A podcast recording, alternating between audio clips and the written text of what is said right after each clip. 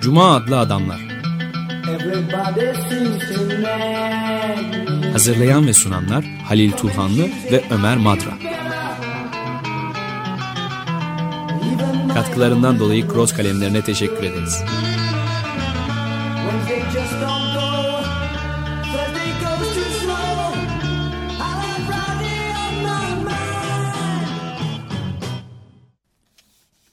Merhaba Lil, hoş geldin. Teşekkürler. Bugün Camus'un bir, bir, bir Camus biyografisi yayınlandı. Stephen Eric Bronner'ın. Ee, bizde bir süredir unutulmuş gibi aslında Camus. Yani tartışılmayı, konuşulmayı çok hak eden bir e, ahlakçı, etikçi olmasına rağmen kitapları bile az, e, az önce yayına girmeden önce konuştuk. E, bulmak pek yeni basımlarını bulmak mümkün değil. Ama dediğim gibi konuşulmayı hak eden birisi. Gündemde kalması gereken. Evet, ben şahsen kendi gündemimden hiç çıkartmamaya epeydir çalıştım. Ta 1960'lardaki Evet. o Türkiye'ye de yansıyan çok kuvvetli bir yansıyan hem Camus hem Sartre vardı ve ben daha çok Camus'dan yana. Hatta biraz da Camus kendi dilinden okumak için Fransızca öğrendiğimi de itiraf Aa, edebilirim burada. Ben Peter Handke ile yapılmış olan bir söyleşiyi hatırlıyorum. Yani e, Bosna Savaşı'nın e, sonlarına doğru Spiegel gazete dergisinde yapılmış ve Türkçe'ye çevrilmiş bir gazetede kısmen yayınlanmıştı. Evet. Orada e, Peter Handke e, bayağı köşeye sıkıştırılıyor savaş konusunda Sırp, Sırplara verdiği destek konusunda E, ve tam köşede sıkıştığında da bize lazım olan şimdi Camus diye bir laf ediyordu. Ama neden Camus bize lazım onu pek açıklamıyordu. Ben çok şaşırmıştım. Yani savaşta zalimden yana yer alan, açıkça bir destek veren e, kişi Camus'a sığınıyor. Neden, ne, nasıl meşrulaştıracak kendisini? Camus'le ne buluyor Camus'le diye düşünmüştüm. Fakat sonradan e, bu kitabı da okurken bir kez daha o söyleşi aklıma geldi. E, Camus e, her iki Camus'da mutlak haklı ve haksız taraflar yok. Her iki tarafı da çok fazla e, sorgulayan birisi. Evet, Ahlaki evet. temel açıdan her şeyin yani savaşta haklı olan tarafların da e, kusurları olabileceğini bu olasılığı dikkate alarak onların da davranışlarını, her davranışlarını e, sorgulamış birisi. Her davranışa ahlaki bir temel, etik bir temel aramış bir birisi aslında. Şimdi burada benim aklıma şu geldi. E, Örtülü olarak Henke acaba şunu mu söylemek istedi? Aslında borçluların da biraz suçu var. Şimdi kamu biraz e, eğer kötü niyetliysen e, Camus'den böyle bir sonuç çıkarmak mümkünmüş gibi ge- geliyor insana. Çünkü Cezayir Savaşı'nda da e, en adil olanlar dahi bazen e, adam öldürürken dikkatli olmalıdırlar. Yani ahlaki olarak doğrulamalıdırlar kendilerini. Evet, evet çok şeyler önemli çünkü şiddet e, teslim alabiliyor. Bütün e, haklı bir mücadelede bile e, bu mücadeleyi verirken şiddete e, prim verince Evet. e, bu doğruluk payı çöküyor, çökebiliyor. Çok önemli bir meseleden bahsediyoruz. yani. Evet çok ka- karmaşık bir şey ama sonuçta dedi, bu verdiğim örnek çok ikna edici mi bilmiyorum. Peter Handke gibi bir yazarın da yani Evet. o Peter Handke çok önemli iyi bir yazar. Evet. Susan Sontag'ın dediği maalesef iyi bir yazar diyor onun için. Evet. Çok kızdırdığını dehşetli öfke öfke duyduğunu ama iyi bir yazar olduğunu teslim ediyor. Ama o tarihsel anda kamuya dayan, kendisi kurtarıcı olarak görmesi de biraz anlamlı gibi geldi bana. Çünkü Camus de bir eylemi yaparken çok düşünmek var, çok sorgulamak var. Hatırlarsın Kalpazanlar kitabında Andrejit'in kahramanlarından bir tanesi boş ver eylemi yap. Onu Evet. sonuçlar üzerine sonradan düşünürsün. Doğru mu yanlış mı ahlaki mi ahlak dışı mı ondan sonra düşün. Yeter eylemi yap. Eylem için eylem yani.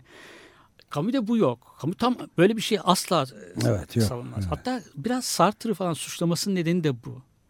Ama e, hiç tereddüt etmeden de rezistansın içinde Evet, e, yani büyük bir ahlaki cesareti, manevi cesareti olduğu hiç şüphe götürmez ve e, hiç tereddüt etmeden de safını işte Nazilere karşı, işgalcilere karşı da net olarak belirlemiş ve burada çalışmış bir adam yani. Doğru.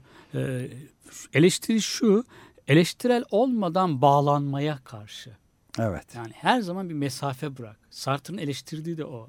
Öyle anlar gelir ki bazen doğru doğru mu yanlış mı?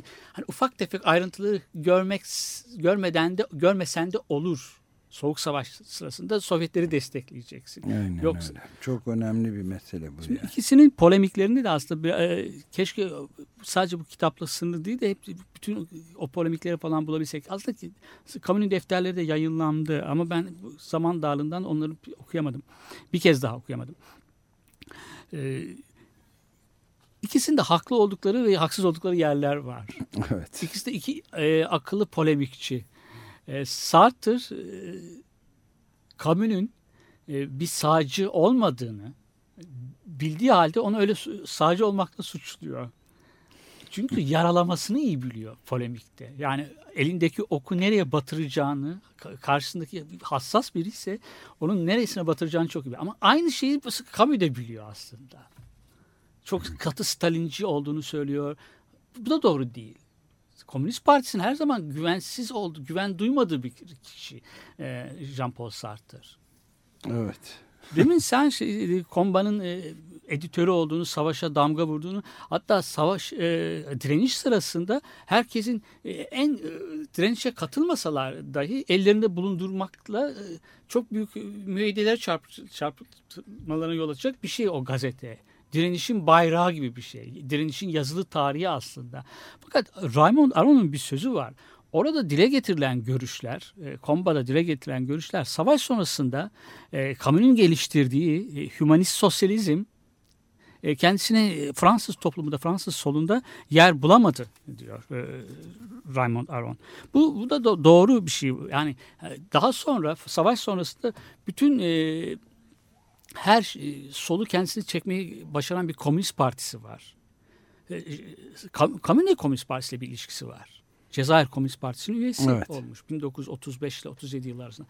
Ama Komünist Partisi'ne bağlandığı zaman da yani üyesi olduğu zaman da ona bir üye olmakla bağlanmak başka bir şey. Yani- Aynen öyle ve çok e, Camus bu açıdan belki de dünyada en önemli örneklerden biri. Angaje yani eleştirel bakışını her zaman o mesafeyi korumaya çalışması hayatındaki düşüncesindeki ön kaygıyı oluşturuyor. Böyle bir Evet. eleştirel mesafe soru sormayı yani. Yani o başta da söylediğimiz gibi her eylemden önce bir eylemin eylemden önce çok düşünüyor. Kıl, tabiri caizse kılı kırk yaran bir düşünür. E, Evet.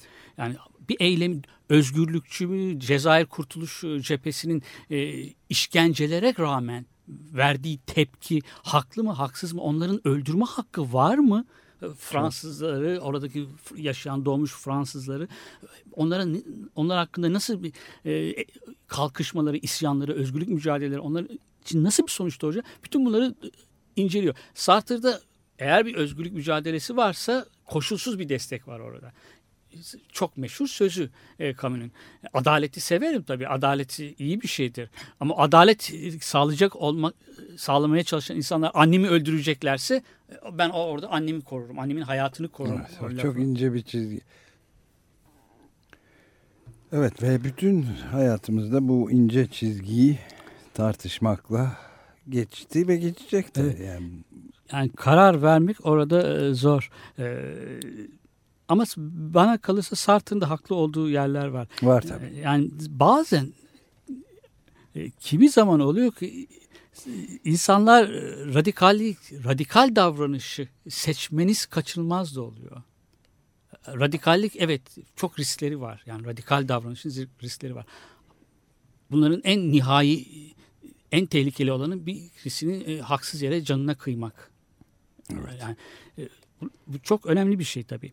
Ama e, e, Camus'un e, önerdiği galiba e, 3. Cumhuriyet Fransa'da böyle hem sağın çok faşizan bir akım da var o dönemde hem de solda da anarşizan ve amaçsız teröre varan haklı şiddetle terörü bazen desteklemeye ayırt, çok ayırt etmek gerekir ama o çizginin de çok e, ay- belirgin olmadığını da kabul ediyorum.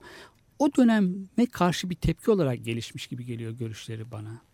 Ama bir yandan da öyle saf e, cumhuriyeti var olan düzeni koruyan birisi değil. Degolcu cumhuriyetçiliğe karşı farklı bir cumhuriyetçilik, hümanist bir cumhuriyetçilik. Hatta İskandinav sosyal demokratlarına yaklaşan ama bir yandan anarko e, sendikalistlere de yakın birisi. E, isyan insanın diyor insan, va- Kartezyen o sloganı e, biraz değiştirerek e, isyan ediyorum öyleyse varım. Varım evet. evet Ama oradaki isyan da bunu söyledikten hemen sonra da e, çok varoluşsal bir eyle, e, davranış olduğunu söylüyor. İnsana yakışır, insanın e, çevresinde uyumsuz olması olağan bir şeydir. Her sunulanı kabul etmemesi. Bütün bunları e, evet e, Baş kaldıran insan. demekle birlikte bir, şey- bir, bir ölçü de olması gerektiğini söylüyor. İsyanla devrim arasındaki bir fark görüyor. Devrimci düşünce bazı şeyleri mutlaklaştırır. Eğer bir şeyi mutlaklaştırırsanız onun uğruna her şeyi mübah sayarsınız diyor. Bu biraz e, her devrimci düşünce böyle midir? Her devrimci eylem böyle midir? E, tart çok tartışma. Evet, yani uzun ne- uzun düşünmemiz lazım. Evet, senle benim de 1940'ların sonundan beri zaten Sartre ve Camus arasındaki bu tartışma devam ediyor. Yani e, onun e, tekrar gündeme geliyor. Hangisinin haklı olduğunu hiçbir zaman karar verilemiyor. Ama bu tartışmada Camus kendisini yenilmiş olarak yenilmiş çıkmış, yenilmiş olarak çıktığını düşünüyor. Ee, baş kaldıran insanın e, Sartre'ın editörlüğünü yaptığı dergide bir eleştiri çıkıyor. Ve eleştiri, eleştiri şu Marx'ı e, Hegel'i çok iyi bilmeden e, onları eleştirdiği söyleniyor. Bu eleştiri Sartre'ın imzasıyla çıkmıyor ama Sartre'ın yaptığını, arkasında bunun Sartre'ın bulunduğuna inanmış hep Camus. Öyle mi? Yani hep o, o benim kötüledi. Bu eleştiriye karşı biraz alıngan davranmış. Oradan başlıyor zaten. E, 40'ların sonlarındaki bu aralarındaki soğukluk. Cezayir Savaşı da biraz buna tabiri caizse daha alevlendirmiş, daha yoğunlaştırmış aralarındaki kırgınlığı burada. Ee, işte o az önce söylediğimiz adalet arayışında da- dahi haklılık olmalı. Burada benim görüşümde şu aslında vardığım sonuç e, çok da emin değilim. E, Cezayirleri Cezayir Kurtuluş e, Cephesi'nin e, verdiği tepkiyle hadi isterseniz şiddet diyelim e, Fransızların sömürgecilerin yap, uyguladıkları işkenceler arasında bir asimetri var. Yani e, onu biraz e, orada Cezayir doğumlu bir Fransız olmaktan ötürü e, annesinin bir annesini ölmemiş ama annesinin bir yakını ölmüş. Yani onun verdiği çok da duygusal. Evet. Camus Çok da duygusal aslında.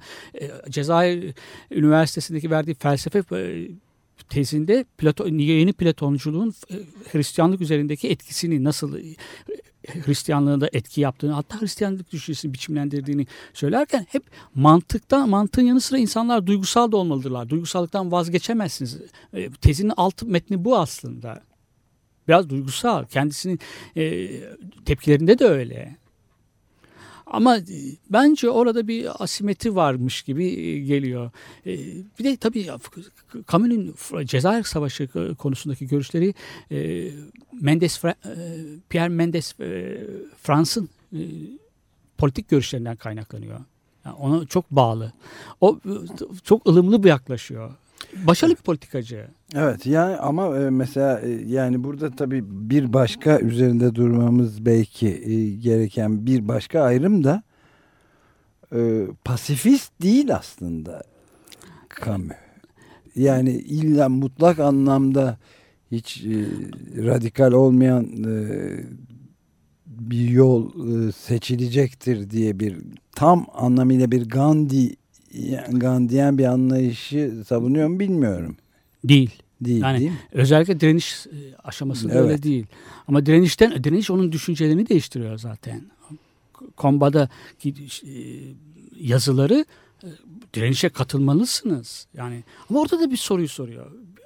Faşisti nasıl öldürürsün? Yani faşisti öldürmek hangi koşullar altında meşrudur? Evet. Bunu soru bu soru hep yani Bu soru yani bu ama bu soru evet pardon Ka- Ka- Kabil'den beri de sorulacak bir Çok soru doğru değil mi yani? Evet, çok doğru.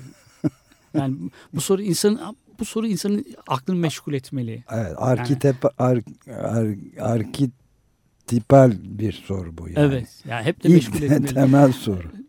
Yani verdiğin cevap değişik olabilir ama zihninde bu sorun olması önemli Camus'un. Bence de öyle. Evet şimdi bir e, soluklanalım bir müzik dinleyerek. Simon ve Garfunkel ikilisinden Bob Dylan'ın Bob Dylan'ın ünlü belki de en baba şarkılarından birinin yorumu The Times They're a Changing.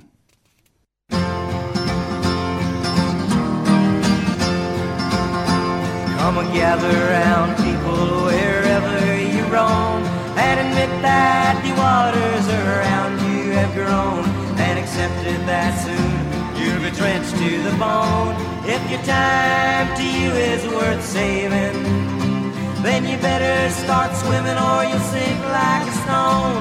For the times they are a changing.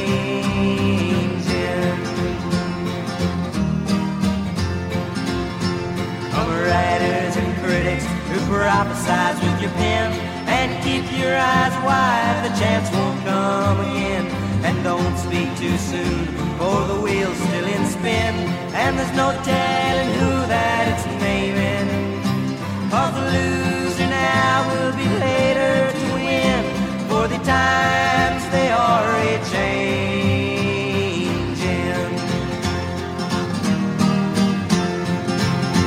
Come senators, congressmen, the call. Don't stand in the doorways, don't block up the hall. For he that gets hurt will be he that has stalled. The battle outside raging will soon shake your windows and rattle your walls. For the times they are a changing.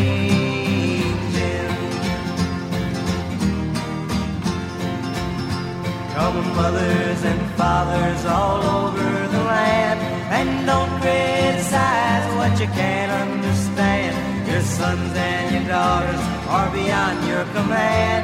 Your old road is rapidly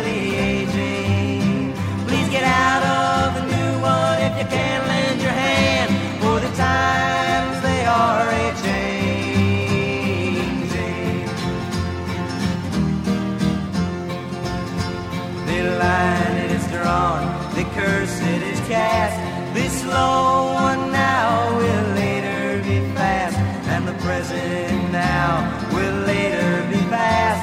The order is rapidly fading. The first one now will later be last, for the times they are a changing.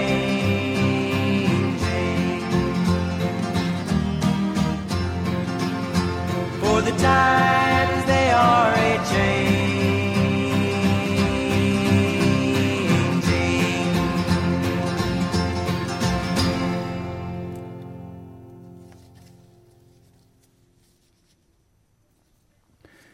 The Times They're Changing. Simon and Garfunkel'dan dinledik ve devam ediyoruz programımıza. Programımız Cuma Adlı Adamlar.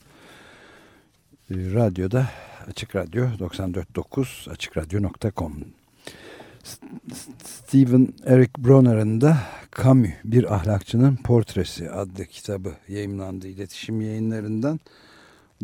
Çeviren de Tuğba Sağlam. Tuğba Sağlam çevirisiyle bu 2009'da çıkmış bir kitabın da birinci baskısı Türkçesi 2012'de yeni yayımlandı. Ee, bir ahlakçının portresi derken Portrait of a Moralist İngilizce orijinal adı da bu.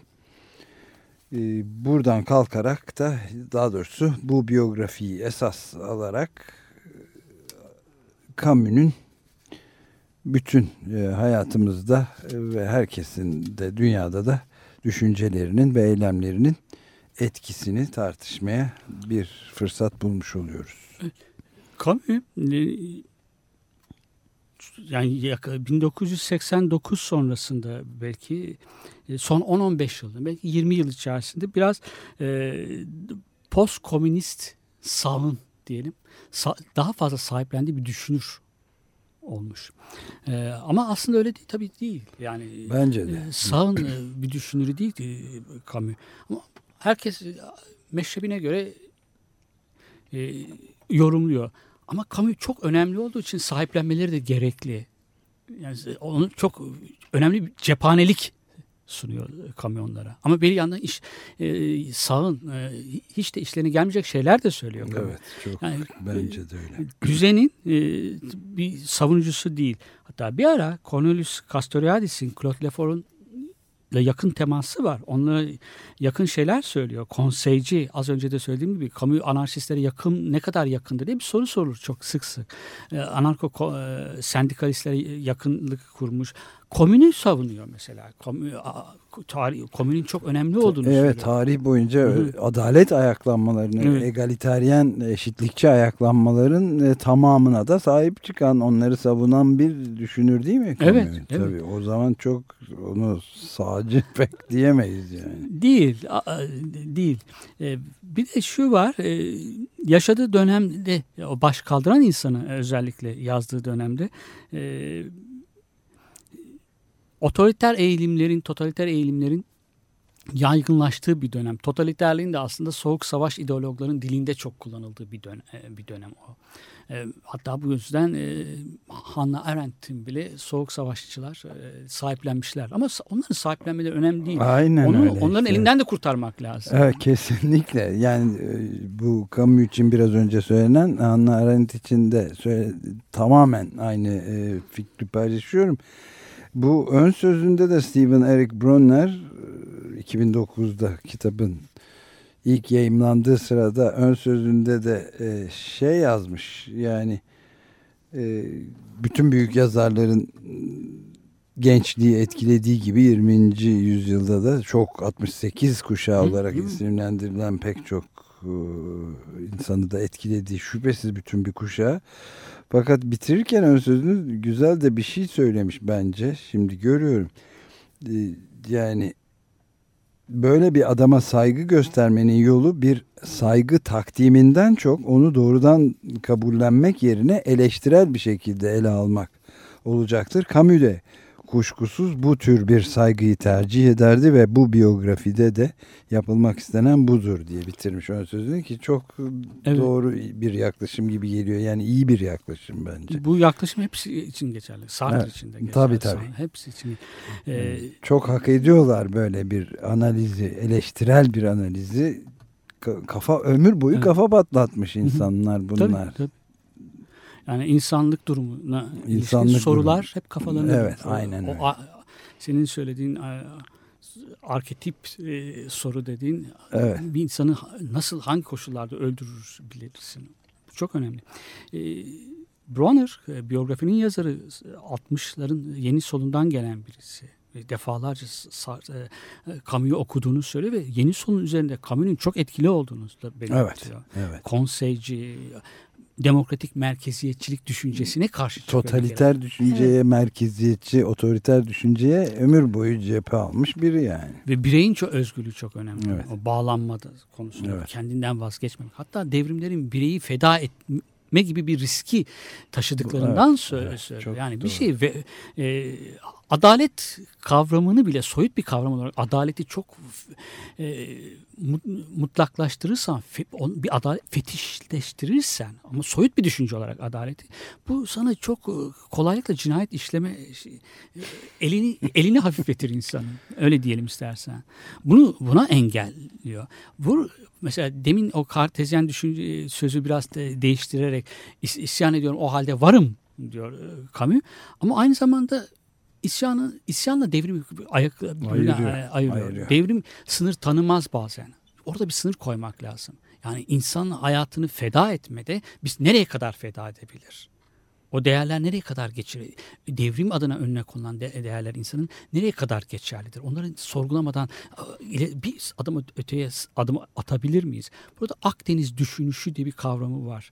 S- e, Camus'un baş kaldıran insanda ortaya attı. Biraz o noktada ılımlı olalım diyor. Biraz ra- o radikallikten vazgeçebileceğimiz bir an olabilir diyor. İşte burası o sınırı çizmek çok kolay değil. Yani Sartre 1918'de 1923 kahramanlık yıllarıdır devrimin diyor. Ama 1923'ten sonra da Sartre hakikaten çok açık olmasa da bazen mahcup bir şekilde bazen eleştirel bir şekilde 1956 Macar isyanına kadar da Sovyetler Birliği'ni Soğuk Savaş'ta destekliyor çok şimdi. Çok doğru işte bu çok önemli bir ayrım noktası. Geçenlerde ilginç bir yazısı e, vardı Chris Hedges'in. Evet. E, Truth Dig diye bir yerde yazıyor. Ben sürekli takip etmeye çalışıyorum. Önemli bir e, konuyu tartışıyordu Chris Hedges de. Diyor ki bu işte gerek e, Avrupa'daki gerekse de Amerika Birleşik Devletleri'nde bu Occupy hareketinde e, olsun. E, önemli bir tehlike de var diyor. Bu radikalizm. Biraz önce senin de sözünü ettiğin radikalizm meselesi. işte kara blok denen evet. mesela anarşistlerin çıkması şeyi zorlayabiliyor diyor. Yani bir çeşit hareketin e, şöyle bir örnek vermiş mesela hareketin önünü tıkamalarına bir örnek veriyor. Radikal düşünce tarzının, radikal eylem hı hı. eyleme tarzının e, Hitler mesela yükselişe geçtiği zaman 1930'larda Naziler e, hızla örgütlenip o ortamdan ekonomik çöküş ortamından yararlandıkları zaman sosyal demokratlarla hiç asla hiçbir yani partiye al, Nazi partisine almadılar sosyal demokratları. Çünkü liberaller vardı acaba mı diye düşünenler vardı. Oysa Komünist Partisi'ne açıktı diyor. Alman Komünist Partisi'ne Nazi Partisi açtı e, kollarını çünkü or, orada bir yoldaşlık tırnak içinde kavramıyla yoldaşlık varsa kendini bütünün e, kolektivitenin içinde eritiyorsun ve her türlü şeyi meşru hale geliyor. Eğer e, bireysel olarak hareket edemiyorsun, acaba diyemiyorsun ve sürünün bir parçası oluyorsun. O yüzden de bol bol da işbirliği yaptılar diyor. Eski Komünist Parti üyeleri Nazi saflarında da yükselenler oldu diyor. Sanırım e, bu biraz önce Hı. konuştuklarımız açısından da önemli. Kamu yani belki sosyal demokrat denen kesime daha yakındı ama Hı. bu devrimci durumlarında radikalizmi yarattı. O zaman da ancak kendi tek doğrucu bir anlayışı da meşru gösterebileceği bir durum olabilir yani.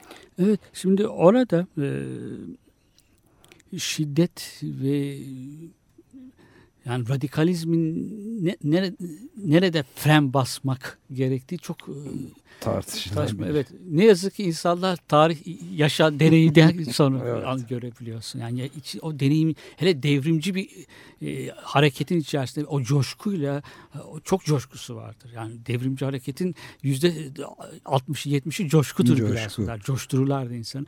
O, onları yaşadıktan sonra görebiliyorsun. Şimdi Camus'un haklı olduğu bir yer var aslında. Çok yerinde bir kuşkusu var. Halk cephesi kurulurken faşizme karşı e, Stalin çok sağcı politikalar politikacılarla görüşüyor Fransa'da. Bu büyük bir düş kırıklığı uğratıyor yani e, halk cephesi konusunda Camus'de. Ve nitekim o politikacılar daha sonra halk cephesinden falan kopup direnişe falan katılmak bir yana Vichy hükümetinde görev alıyorlar. Evet, haklı çıkıyor şimdi, yani. Haklı çıkıyor şimdi. Evet, evet. Çok yani, çok önemli 19, bir konu bu mesela. Işte. 1930'larda komünizmin artık e, e, yozlaştığını, rayından çıktığını, e, hümanizme hiçbir ilişkisinin kalmadığını söylüyor. Ve Sovyet komünizmin Stalin'in yaptığı pek çok çok düzmece yargılamaların, duruşmaların, siyasi rakiplerinin, parti içinde hizip olarak gördüğü kişilerin yok etmelerinin bunlar gelecekte insani bir sosyalizmin önündeki en büyük ahlaki engeller olarak. Milyonlarca insanı yani en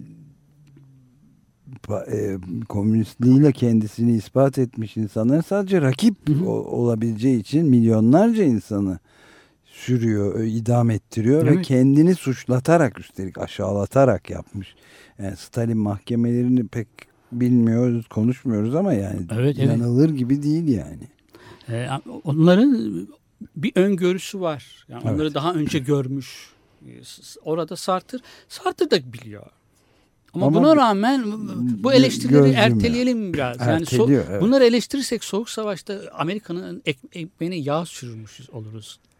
Her şeye rağmen Sovyetler Birliği diyor Sartre bazı. Evet işte o yüzden de ben e, bu Sartre Camus e, ikili konusu olduğu zaman Sartre'ı da yer yer e, çok doğru bulmakla beraber ağırlıklı olarak Camus'dan yana olmamın olduğumu söylememin sebebi de bu. Yani çünkü ilke temelde bir tek gerçek devrimcidir. Olgular ve evet. gerçekler yani doğrular.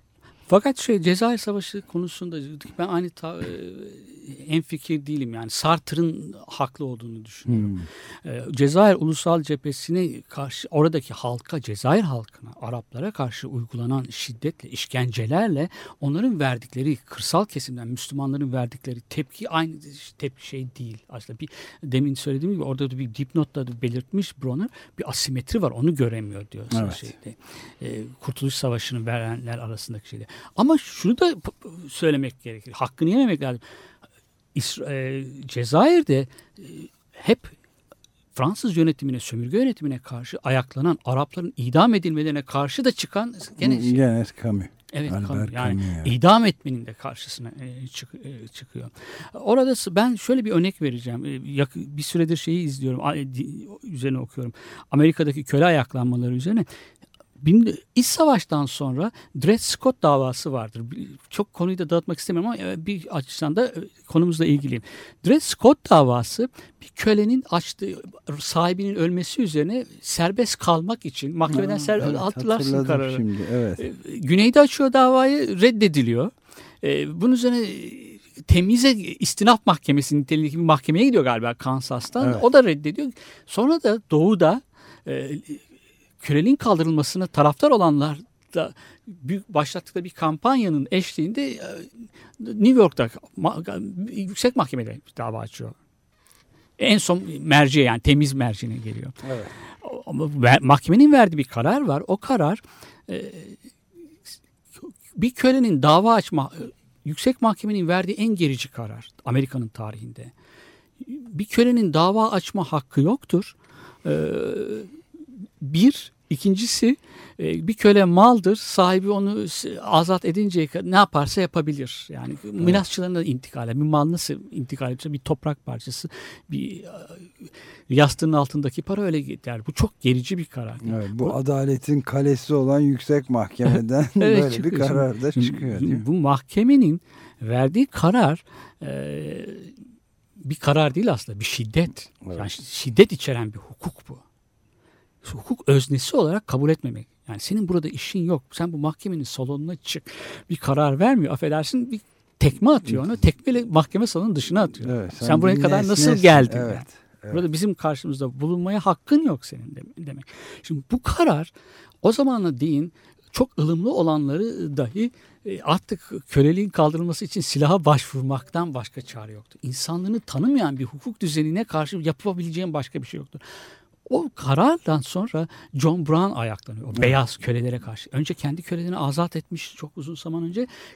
Bir silah halkı silahlandırıyor ve e, ayakla, ayaklanıyor köleleri yok et, köleliği kaldırmak için. Bu ve kö çok kötü örnek olduğu için onu da öldürüyorlar. E, evet öldürüyorlar tabii. Ama. John Brown mesela dünyada insanın ulaşabileceği en onurlu e, evet, yani John eylem Brown... noktalarından birine geliyor. Çünkü bir beyaz üstelik kendisi. Evet tabii tabii. Ve büyük riski göze alıyor. Sonunda da bedelini de ödüyor. Ama ancak böyle bir mücadeleyle evet. elde evet. o, o silahlı işte. Ha, o bu e, John Brown Dred Scott davası reddedilmeseydi de belki şeye başvuracaktı, silaha başvuracaktı. E, çünkü kafasını sabit fikirli. Köleleri yatıp kalkıp köleleri özgürleştirmek kafasında o var. Ama önemli olan John Brown'un hareketinin ılımlı olanlardan dahi o ana kadar ılımlı düşünenlerden dahi istersen Camus'un Akdeniz düşünüşünü sahip olanlardan dahi destek görmüş olması. Evet. Aa. Evet. Silaha başvurmaktan başka çare yok. Dred Scott'u oraya getirenler, sen mahkemeye gel, kararını ona hukuki destek verenler, yardım edenler ondan itibaren Aa, tamam. Başka yapacak. Evet bu bizi mesela son derece ilginç başka bir tartışmaya da getirebilir. Yani nazizme karşı mesela işte Hitler'in bütün dünyayı e,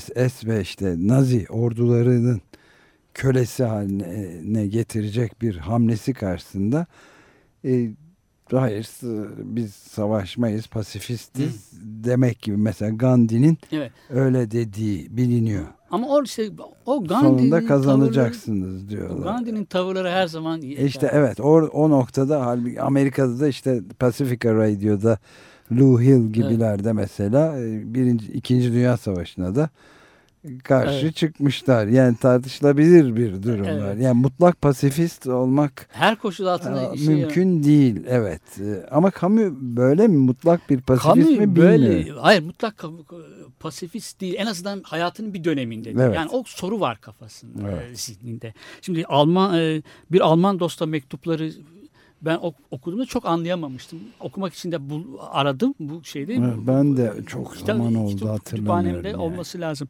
Ee, yani Nazilere karşı mutlaka silahlanmalıyız. Aynen. Orada savunduğu o. Onu söylüyorum işte. Evet. Ee, şiddete karşı çıkmak için şiddet, böylesine bir şiddete karşı çıkmak için şiddeti kullanmamız artık şiddet kaçınılmazdır diyor. Ama yine de ama yine de bir soru var. İnsanları öldürmeye hakkımız var mı? Bu hakkı nasıl, hangi koşullar altında kullanırız? Nereye kadar gidebilir? O sınır hep var şeyde, e, Camus'de. Yani evet. antifaşist mücadelede bir faşisti nasıl öldürmeye de hakkımız var? O soru hep tereddüt var. Trajik başında. bir e, kahraman olarak da görmek mümkün. Yani şimdi bunları bir kez daha yüksek sesle aramızda da tartışırken birden aklıma Hamlet karakteri geldi tabii. Yani bütün olup biteni yani net olarak görebildiği halde artık babasının e, katillerini gördüğü halde harekete geçememesinde de böyle sorular evet. olmasının önemli bir payı var ama Hamlet'i de e, es geçemeyiz yani evet. niye ne kadar kararsız e, pısırık bir adam demek evet. kolay değil evet. yani. Evet. Camus'un sorduğu soru o direniş sırasında e, Komba'da hem halkı direnişe çağırıyor, teşvik ediyor. Faşizme karşı nasıl direnirsin? Yani silaha sarılmadan, öldürmeden faşizme karşı Gandhi gibi direnemezsin herhalde. Kaç, öldürmek kaçınılmaz olacak bir faşisti. Evet. Ama hümanist değerleri terk etmeden faşizme karşı nasıl mücadele edebilir? O hümanist değerler çok önemli onun için. Sartre belki boş ver bu hümanist değerleri evet aynen öyle. Çok Bu hümanist değerleri boş ver. Hümanist değerlerin konuşmanın sırası değil. Onları savaştan sonra, direnişten sonra konuşuruz. Ama yani faşist bir Nazi'ye karşı, bir faşiste karşı direnirken onu onu ona bir işkence edemeyiz. Yani e, direnişin bir direnişin bir ahlakı olmalı. Ahlakı olmalı. Faşizme ve ahlaki sınırları evet. olmak zorunda bence de çok çok çok önemli bir tartışma konusu bu yani. Bir şey söyle Claude Lefort'un birçok benzetmesini ben hatırlıyorum. Şimdi Camus'un söylediklerine de yakın aslında. E, Fransa'da iki tane cumhuriyet vardı diyor direniş sırasında. Üstteki cumhuriyet ve alttaki yeraltı cumhuriyeti. Üstteki cumhuriyet berbattı. Yani ispiyoncular vardı, teslim olanlar vardı, komşusunu teslim edenler vardı. Pek ahlaki değeri hiçbir şeysi yoktu. Ama yer altında da müthiş bir dayanışma vardı diyor. Yani kurulacak cumhuriyetin, savaş sonrasındaki cumhuriyetin bir mikrokosmosu oradaydı. Yer altındaki direnişteydi. Bu e, kamu böyle bir şey, direnişi öngörüyor. Yani idealleştiriyor belki de. Nazi'yi öldürürken de ahlaki değerleri yitirmeden, evet. hümanist değerlerden vazgeçmeden faşizme karşı mücadele etmek. Bu pek çok kişinin bunu alay edeceğini de tahmin ediyorum yani şimdi. Dinleyenlerden dahi belki itirazlar gelebilecektir. Bir faşizme karşı böyle yaparsan e, yenilmen kaçılmazdır. Ama yenilmemişler. Yani iyi ya da kötü e, direniş bildiğim kadarıyla direnişin tarihinin böyle yürümüş aslında. Claude Lefort'un e, tanımladığı gibi yer altındaki cumhuriyet yer üstündeki cumhuriyetten çok daha erdemliymiş. Evet ve şimdi o, oradan rezistanstan, direnişten çıkan günümüz de düşünürleri filan da var. E, e, işte Esel gibi ya da e, başkaları da var fakat e,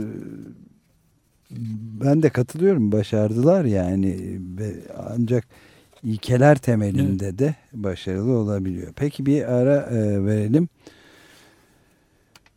E, Edgar Morendi demin adı, adı aklıma gelmedi. E, Spell grubundan e, o da eski bir şarkının bir yorumu. Johnny Remember Me.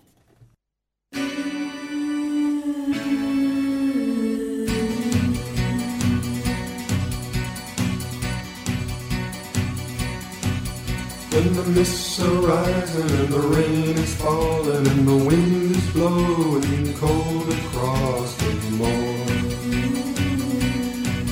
I hear the voice of my darling, the girl I love and lost a year ago.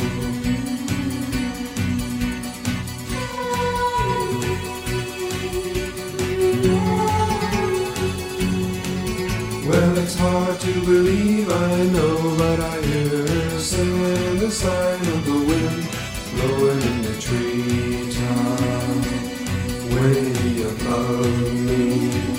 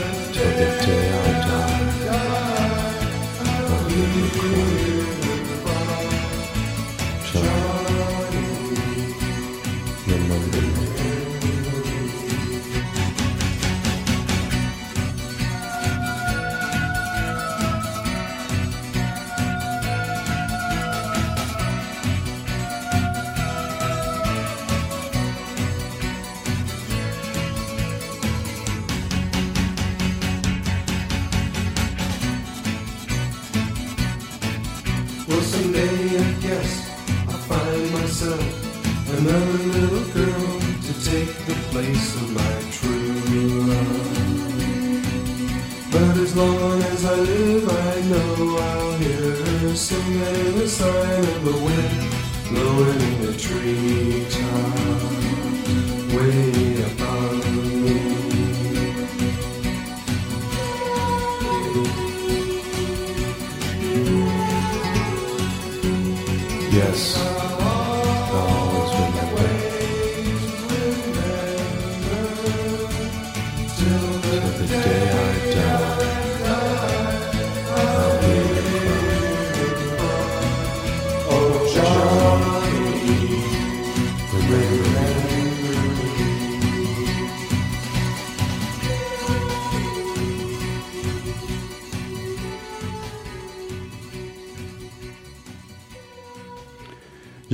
Remember Me Spell'den dinlediğimiz bir şarkıydı ve devam ediyoruz programımıza.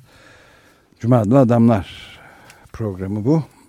Açık Radyo'da 94.9'da açıkradyo.com'da Stephen Eric Bronner'ın Camus Bir Ahlakçının Portresi başlıklı kitabı var elimizde. Tuğba Sağlam çevirisiyle iletişim yayınlarından yayımlandı. Yeni yayımlandı ve kitap da zaten oldukça yeni. 2009 tarihli Camus Port- Portrait of a Moralist başlığını taşıyor. Ve Camus üzerine Albert Camus Fransız e, Pied Noir dedikleri aslında Cezayir doğumlu e, Cezayir kolonisinden Hı hı. bir halkın çocuğu ve 20. yüzyıl düşüncesini hatta 21. Evet. yüzyılın başında da hala ciddi olarak etkilemiş önemli düşünür ve eylem insanlarından birini konuşuyoruz. Ve az önce de söylediğimiz gibi e, sağcıların, muhafazakarların elinden de kurtarılması, solunda da sahiplenmesi gereken. Ama çekinceyle de olsa. Ama Hı. eleştirel bir, Bronner'ın söylediği gibi Evet. eleştirel bir yaklaşımda da olsa Aynen öyle. sahiplenmesi gereken bir düşünür. Şimdi baş kaldıran insan aslında e, kendi yaşadığı deneyimlerin, tarihsel deneyimlerin ürünü. İşte İspa- İspanya İç Savaşı, Avusturya'nın e, ilhakı, e, direniş, bütün bunların etkisi var ve so- so- sosyalist e, rejimlerin, Sovyetler Birliği'ndeki rejimin giderek totaliterleşmesi, giderek bir baskı e, rejimine dönüşmesi. Bütün bunları e, yaşayarak e, kaleme almış olduğu bir kitap. Bronner da söylüyor. Felsefe kitabı değil. Yani bir totalitarizm üzerine Hannah Arendt'in yazdığı kitapla derin onu derinliğe sahip bir kitap değil. Ama galiba Camus felsefeci olma iddiasında da değil. Hiç değil evet. Bir dene, öncelikle bir denemeci ve duygusal, duygusal e, hatta bir denemeci olduğu için de şair, şiirsel e, felsefeciler de vardır ama denemecilerde şiirsellik daha ö- ön plana çıkar. Uslupçu. Üslupçu evet ve şeyde aynı zamanda romancı olarak Evet, tabii, ve tabii. oyun yazarı olarak da çok e, kalburüstü yazarlarından Evet, biri evet. dünyanın yani. O hep sık sık söylenir. Sartre hiçbir zaman Camus kadar iyi bir romancı olmadığı söylenir mesela. Mesela Ve- ben o kanaatteyim yani. Bence de romancılık söz konusu ise evet. Yani puan şeye. yani e, evet Camus'a. ve, veba Hı.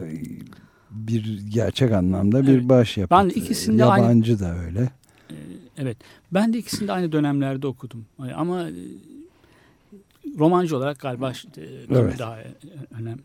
Şimdi e, politik devrim fikrini sorgularken bu o tarihsel deneyimden e, yo- yola çıkıyor. E,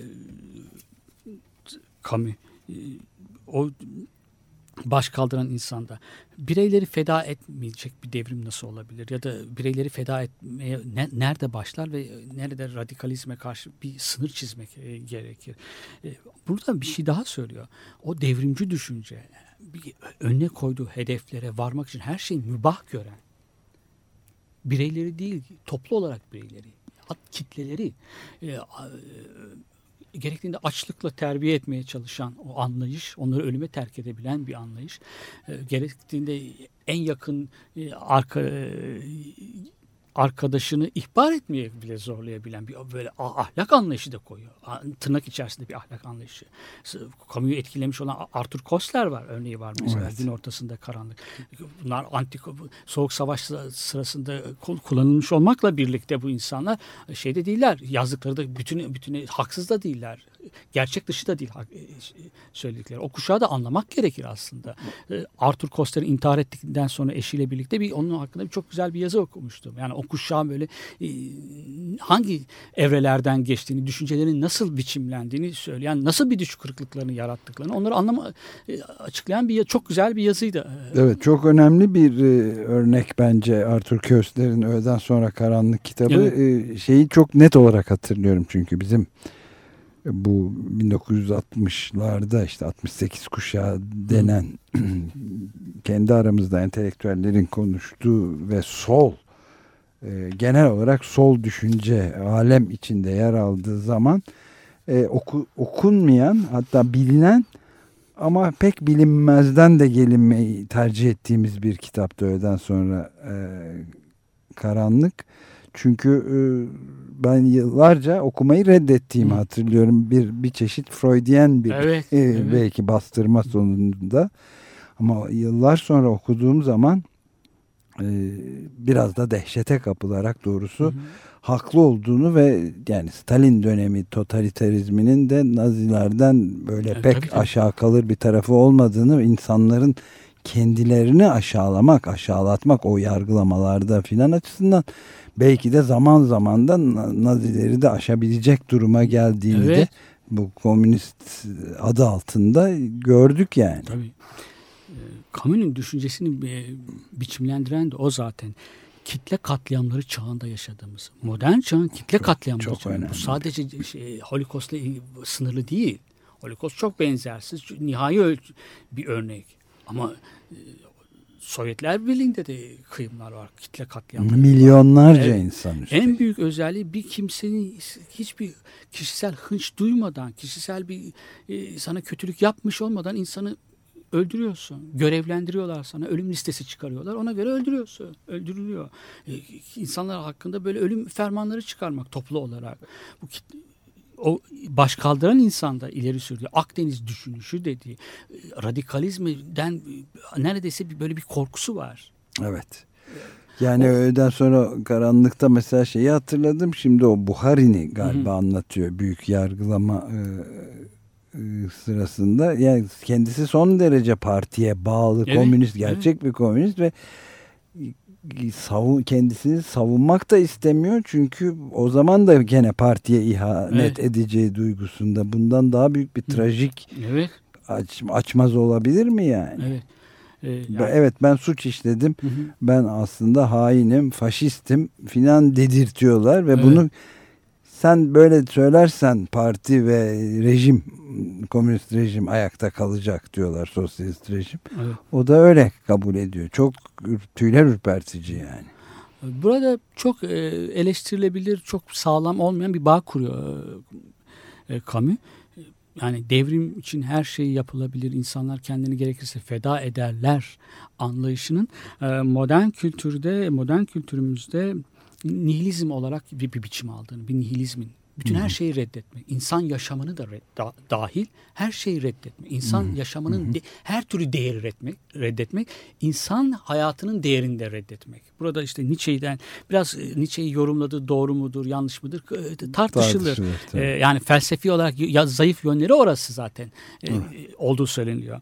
Ama e, modern devrimin ya da modern e, top, dönüşme dönüştürme planlarında toplumun bütün olarak dönüştürme planlarında e, sınır, tam sınırlar ortadan kaldırıldığında e, varılacak nokta nihilizmdir. Ya da her şey mübahtır, her şeyi yapabilirsin. O he- hedefler mutlak bir mutlaklık atfediyorsun onlara. Kalkınma da adalet değil. Adalet iyi bir ka- kavram. İnsanı cezbedebilecek bir kavram. Soyut olduğunda dahi insanı cezbedebilecek. Daha affedersin daha budalaca kavramlar var. Kalkınmak gibi. Gelecek kuşaklara çok kalkınmış bir şey bu ülke bırakmak gibi. Evet önemlidir gelecek kuşaklar tabii. Ama var olan kuşakları da yok edemezsin. Var olan kuşakları da açlığa sevk edemezsin. Açlığa Üste- terk edemezsin. Üstelik e, hazır bunu söylemişken e, bir de artık son noktası ironinin filan e, kalkınma adı altında gelecek kuşakların yaşanamayacağı bir dünyaya da e, hazırlamış oluyorsun. Bunu gelecek kuşakların refahı için yaptığını söyleyip onların hayat hakkını doğmamış kuşakları hayat hakkını elinden alacak bir durum var. Özellikle son bir senede filan Türkiye'deki bütün bu tasallut e, doğaya Evet. filan yani akıl almaz bir boyutta onu da düşününce ama dünyada da yani hatırı sayılır bir şey var. Evet e, riyakarlığın doruğu o yani. Bir de şey de Sartre e, pardon Camus'un kabul ettiği bir tanım var Nietzsche'de değerleri yeniden değerlendirmek. İsyan böyledir diyor. Baş kaldırıda böyle bir şeydir. Bir haksızlık karşısında ayağa kalkarsınız ama orada durmaz o. Onu da kabul ediyor yani baş Evet. kaldırı. Değerleri yenin. Pek çok değeri ele almaya, gözden geçirmeye, onları yeni- yeniden e, değer biçmeye, biçme eylemidir. Fakat bir haksızlık karşısında ayağa kalkmak, öfke durmak aşkınlık bir durumudur. İnsan ister istemez duygusaldır. İnsan rasyonellikle bağlarını koparır isyan eden bir insan. Bu doğru mudur değil mi, yanlış mıdır tartışılır. Ama evet böyle bir duygusal bir yönde var. Yani her baş kaldırısında az ya da çok e, o yüzdesine oranını bilemem ama var. Yani ben kendimden biliyorum. Duygusal bir ins- insanımdır. Haksızlıklar karşısında verdiğim tepki de duygusal duygusal birçok kişinin içinde böyle olduğunu düşünüyorum. E, Böyle olduğu için de diyor insan kendisi duygusu mantıkla akılla bağlarını koparması çok kötü bir şey değil. Ama meğer ki insan kendini sorgulasın. Evet. Yani Çok, meğer ki- o da ilginç bir Yani nokta. meğer ki insan do- doğru yapıyor muyum yapmıyor muyum? Duygusal tepki ver. Ama öldürmeye hakkım var mı? Şunu bu- bunu yapmaya hakkım var mı? Bu sorular da zihninden hiç yok olmasın. Bunları da zihninden hiç silmesin diyor, diyor Camus. E, Burada başkaldırıya bir isyana bir saygısı var. Dayanışma kültürüne, dayanışma e, önemini vurgulamış. Ama dediğim gibi bir yerden de o dayanışmanın e, pardon ayaklanmanın, isyanın ya özellikle devrimin e, bir yandan sınırlarını bulmak gerektiğini söylüyor. Şimdi Bronner'ın da eleştirdiği bir işte diyor açması da burada yani. Başkaldırıyla devrim başkaldırıyla uyumluluk arasında pek bir şey değil. Orantı bulmak, denge bulmak pek kolay bir şey değildir diyor. Bir insan bir kez baş kaldırma onu da zor tutarsın. Baş kaldırmak da böyle doğru, bir şey. evet. Ne yazık ki e, buradaki sor, dile getirdiği ılımlı politikada ılımlılık Aristoteles'ten beri vardır bu böyledir. Politik hayvanı tanımlarken aşağı yukarı böyle bir ılımlık ölçüsü de ko- ko- koymuştur örtülü olarak. Ama bunu modern dünyada bunun pek şeyi yok. Böyle bir denge kurmak pek mümkün değil. Başkaldırının sınırları yoktur diyor. İyi midir, kötü müdür? E, cevap veremem. Yani Verem, bizim, bizim cevap çok vermemiz zor. mümkün değil. Gerekli mi de bilmiyorum. Bunu soruyu ortaya atıp burgaçlanarak o sorunun işaretinin çengelinde asılı bırakmak belki de evet. en doğru yol. Şimdi kim hatırlamıyorum yani birisiyle yapılan bir söyleşide e, yaşlandıkça daha radikalleştim. Duramıyorum hiçbir yerde. Yani, evet. E, her şeye isyan etmeye yavaş yavaş e, vejeteryan olmuş. Ya, giderek yaşlanmış ve e, e, vegan olmuş. Deri hiçbir şey giymediğini söylüyor. Her şeye karşı giderek her şeye karşı çıktım diyor. Duramıyorum yani. Bunu kimdi hatırlayamıyorum şimdi. Çok yaşlılığında e, baş kaldırdığınız şey yoktur. Yani e, sınırı yoktur. Sınırı yok. Biraz da öyle. Evet. Bu kamunun belki açması, baş kaldırıyla sınır baş, hem baş kaldırıyı körüklemek, baş kaldırıyorum öyleyse varım demek. Ondan sonra da sınır aramak en azından bireysel düzeyde, birey düzeyinde, birey açısından pek şey değil yani gibi geliyor bana. Ek, Abi zor bir şey, zor. Evet yani bir açmazı belki. İşte yani. insan. Handikapı. Bence çok önemli bir e, yollar açıyor. Evet, Önümüzde evet, çok aydınlatıcı, pek çok düşünürü olan bir şey. Bu vesileyle yani kamunun üzerinde, kamunun düşünceleri, fikirleri üzerinde ve eleştirileri üzerinde tekrar düşünüyor ve tartışıyor olabilmek çok iyi geliyor bana en azından. Bir şey söyleyebilir miyim? Yani bütün e, zaaflarına karşın e, solsunu sahiplenmesi gerekiyor. Yani Kesinlikle. o yeni felsefecilere, Bernard Henry Levy'lere falan kaptırılacak bir şey. Asla, yeni neokonlara, yani şunlara. Çok ayıp olur evet. doğrusu. Peki galiba bitiriyoruz ve bitirirken de Isabel Campbell ve Mark Lanigan'ın birlikte bir duetini çalalım. Ballad of Broken Seas adını taşıyor. Mark Lanigan'ın bestesi yanılmıyorsam. Böylece bitiriyoruz. Hepinize günaydın.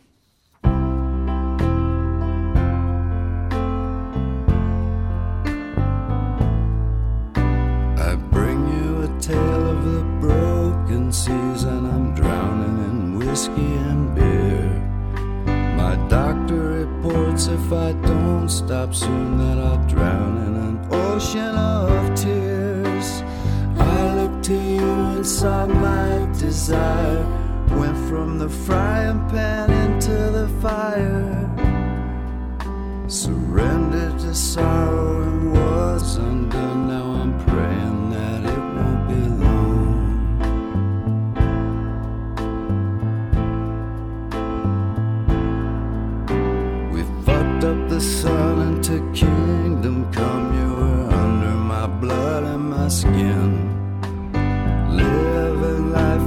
each other's throats in a gilded sailboat of sin.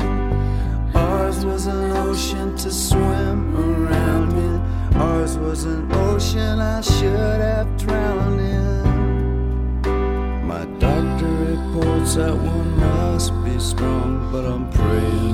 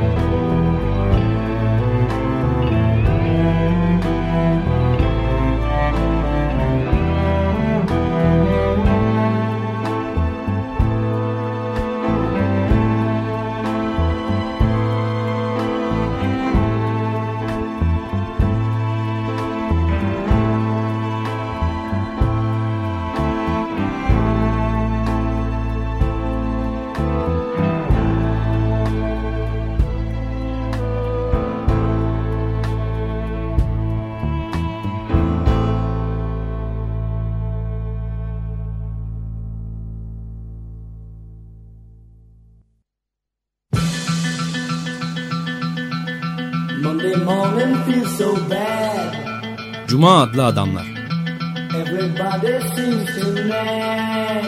Hazırlayan ve sunanlar Halil Turhanlı ve Ömer Madra.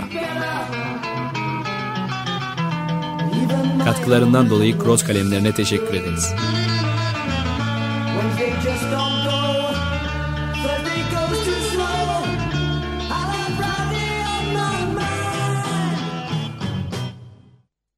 Açık Radyo program destekçisi olun. Bir veya daha fazla programa destek olmak için 212 alan koduyla 343 41 41